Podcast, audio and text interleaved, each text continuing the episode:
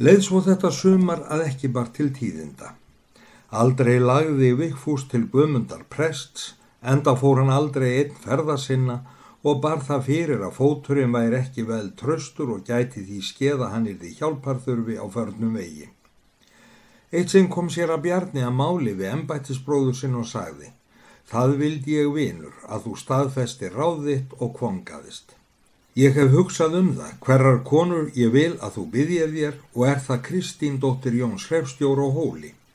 Hún er að minni meiningu sá besti kvenkostur hér um nálega sveitir. Ég hef nú ekki mikið hugsað um giftingar nú á setni árum og helst hafði ég alltaf mér að giftast aldrei þegar ég misti hana sem þú vestum. Þó ef ég ætti kost á að fá Kristínu myndi ég breyta skoðunum mínum í því tilliti. En mér er sagt að hennar hafi beðið ímsir efnilegir menn og hafi hún öllum vísað frá og segist aldrei muni giftast. Satt kann það að vera bróðir, en ekki vil ég láta letjast þar við með bónorðið og skal ég hefja máls á því fyrir þig. Ef þú vildir gjöra mér það vinarbræð, þá tek ég með þökkum tilbóðu þínu og er þó við hvortvekja búinn um erindislokkin. Nokkru síðar gekk sér að Bjarni heimað hóli og var honum þar mjög vel fagnað. Hann bar þá upp erindi sitt við þau hjón og svöruðu þau því vel. Ekki veit ég nú hvað hún Stína hugsar ef hún neytar sér að guðmundi. Hún er þá ekki verð fyrir að eignast mann þó hann sé fátækur. Þá fær hann nóan auð eftir okkur, svo getur skeða hann með tímanum fái gott brauð, þess er hann verður, saði Sigriður með ákafa. Ég fyrir mitt leiti er ánaður með það hlutskipti fyrir hana og get ekkert að manninum fundið. Ef hún á annar borð ætla sér að giftast er það aðtugunar mál að sleppa þessu tækifæri. Ætla sér að giftast, huh, mér þykir líklegt að hún ekki ætli sér að melda svona upp eins og meikhelling. Það er ekki dæmi til þessi minni ætt. Hún hefur það þér hjartan mitt. Ég held að það hefði nú dreyjist fyrir þér að giftast ef ég hefði ekki ítt undir það. Ég segi nú alltinn meiningu mín og klýp ekki af því.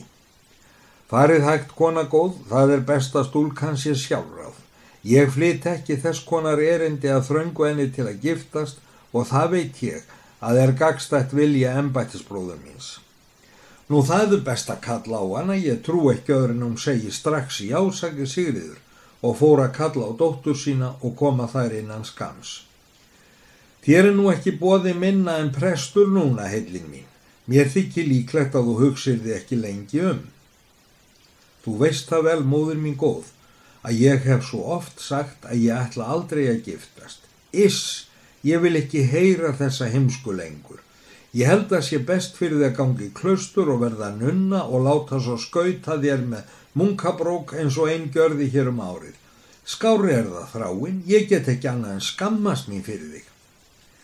Ég hef ekki enþá heyrt hver þessi prestur er sem byður mín. Nú þar að sér að guðmundur, óræsið það, ert ekki hrættum að hann bergi þig og ekki óttast ég það. Farið þér alveg eftir eðar eigin hjarta, Jónfrú góð. Hér á sér engin nauðungstað og svo beigðist ég ekki eftir svar í þetta sinn. Hugsi þér yfir um. Ef ég á annar borð vildi gifta mig, þá myndi ég ekki vísa sér að Guðmundi frá en þó ætla ég ekki að segja já í þetta sinn en nógu líklegt er að þar að drægi. Munið þér hvað ég hef sagt yfir og farið þér eftir yfir eigin hjarta svo aðeins verði þetta farsalega stopnað og það sé ljúft. Eftir það kvatti sér að Bjarni og gekk heim. Hann sagði sér að Guðmundi hvernig fór en hann svaraði stillilega það er líkast til að hér verði ekkert úr. Mér segir svo hugur um. Mér þykir nú hitt líklegra að það verði Nú líður vetrun og jógst viðkynning þeirra Guðmundar Press og Kristínar. Oft kom hún að hofi og var þar dögum saman. Þar kom að þau trúlofuðust. Var svo ráð fyrir gjört að brúðköp þeirra skildi verða seint á sömri. Samt fór þetta fyrst um sinn látt, svo ekki vissu nema foreldrar hennar og sér að bjarni. Um veturinn litlu fyrir sömar dreymir Kristínu draum. Hún þótti stödd þar í næsta kaupstað og var þenni reikað með fram sjónum. Hún var að hugsa um æskudagana og ástvinnin sítregaða eins og henni var svo títt bæði vöku og draumi. Hún þóttist leggjast niður og vera að leika sér að litlum grösum sem stóðu svo róleg og lífleg, alþakinn daggardrópum sem glóða eins og perlur í sólskininum. Eru þið að gráta líka eins og ég gjörði svo oft þegar ég var einsömmur, blessuð litlu grösin. Hver hefur grætt ykkur, þóttist hún segja, og grúði sér niður að kissa litlu grösin. Í því sá hún hanga á einu stráinu gullring, mjög fagran með heiminbláum steini. Það var sannfæring hennar að þennan ring hefði hún átt í æsku sinni og mist frá sér.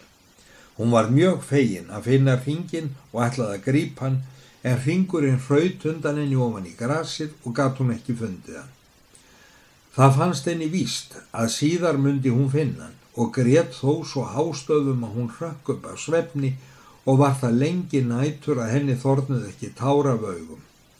Engum manni sagði hún draumin og hugsaði þó mikið um hann. Að draumurinn þýtti Ólaf gatt henni ómulega skilst því að hún var fyrir laungu sannfærðum að hann væri andaður en ekki var löst við að hún yrði fálátari við sér að Guðmund og reyndi þó til að delja það sem mest hún gatt. Þennan vetur fjakk Vikfús enn að nýju bref frá Grímúlfi. Kæri góði tryggða vinur, nú gjör ég það með hálfum huga að skrifa þér, fyrir ef brefið kemst upp getur það verið hættulegt fyrir æru mína og velferð en það er skilda mín af því að þú ert sá vinur minn sem þú ert að vara þig við þegar háskin ber sínilega gín yfir höfðið þínu. Þú mannst víst eftir byrni sem einu sinni var formaður ykkar Ólafsheitins. Það þykir mér vera brelling Karl. Hann kom hér núna fyrir stuttun á skrifstofuna og spurðist eftir fógeta. Ég sá að hann var áhyggjufullur og geðiðist mér ekki að. Sjálfum mér og öðrum hefur stundum orðið það að liði að ég er bæði fljótur og higginn til ráða og þess nöst þú þá. Ég tróð mér á milli þils og veggjar þar sem ég gætt heilt allt sem þeir töluðu. Fógetinn spurði Björn að hvort það væri satt að hann geimdi ennþá stjórafæri stúfin sem eftir var þegar Ólafur sálu í kvarf. Satt er það þeirra fógeti. Ég geimi hann eins og helgidóm, svaraði Björn og haldið þér að það hafi verið skorið, spurði fóketti. Það er ég vissum, sagði Björn. Og hver haldið þér að hafi skorið, spurði fóketti. Það þóri ég ekki að segja og þórið að þó, því það var ekki nefnum einna að gjöra, svarar Björn. Lifir sá maður ennþá, spyr fóketti. Ekki veit ég annað og er það þó sá eini maður sem ég vilda væri döður og það helst hengdur, svarar Björn.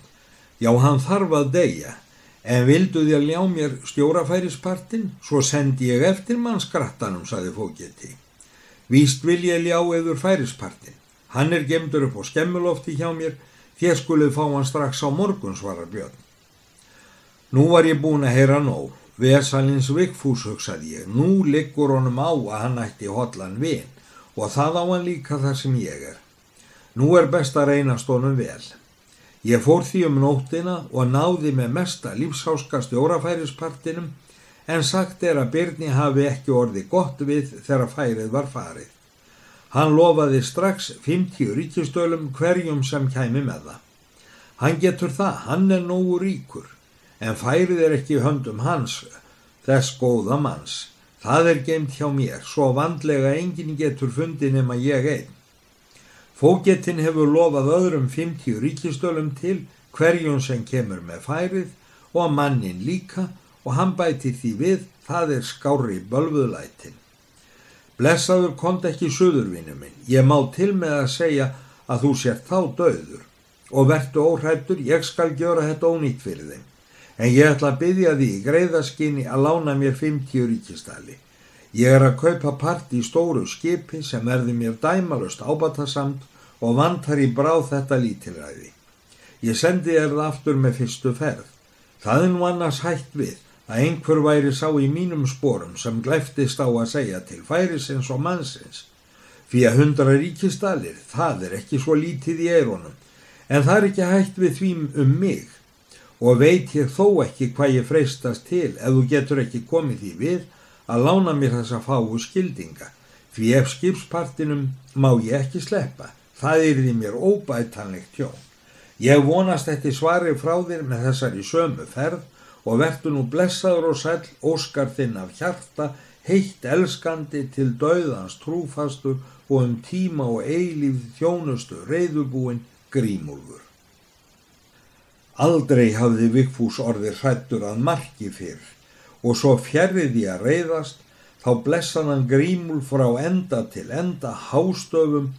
Svo Þorbjörg var hrifin af gleði yfir því að sonur hennar elskulegur ætti þvílíkan vin og vildi fá að sjá brefið, en þess var engin kostur.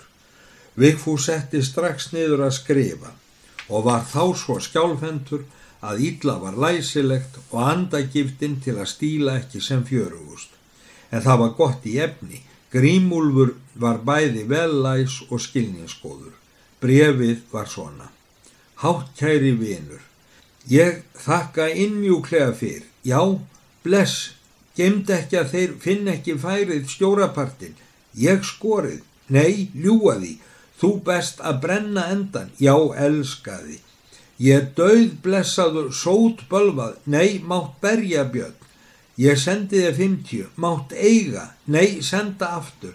Helst fyrst þíns hjarta elskandi hjartfastur. Mundu peningana aftur í vor í sömar, Vigfús úr Hala, nei Árnason.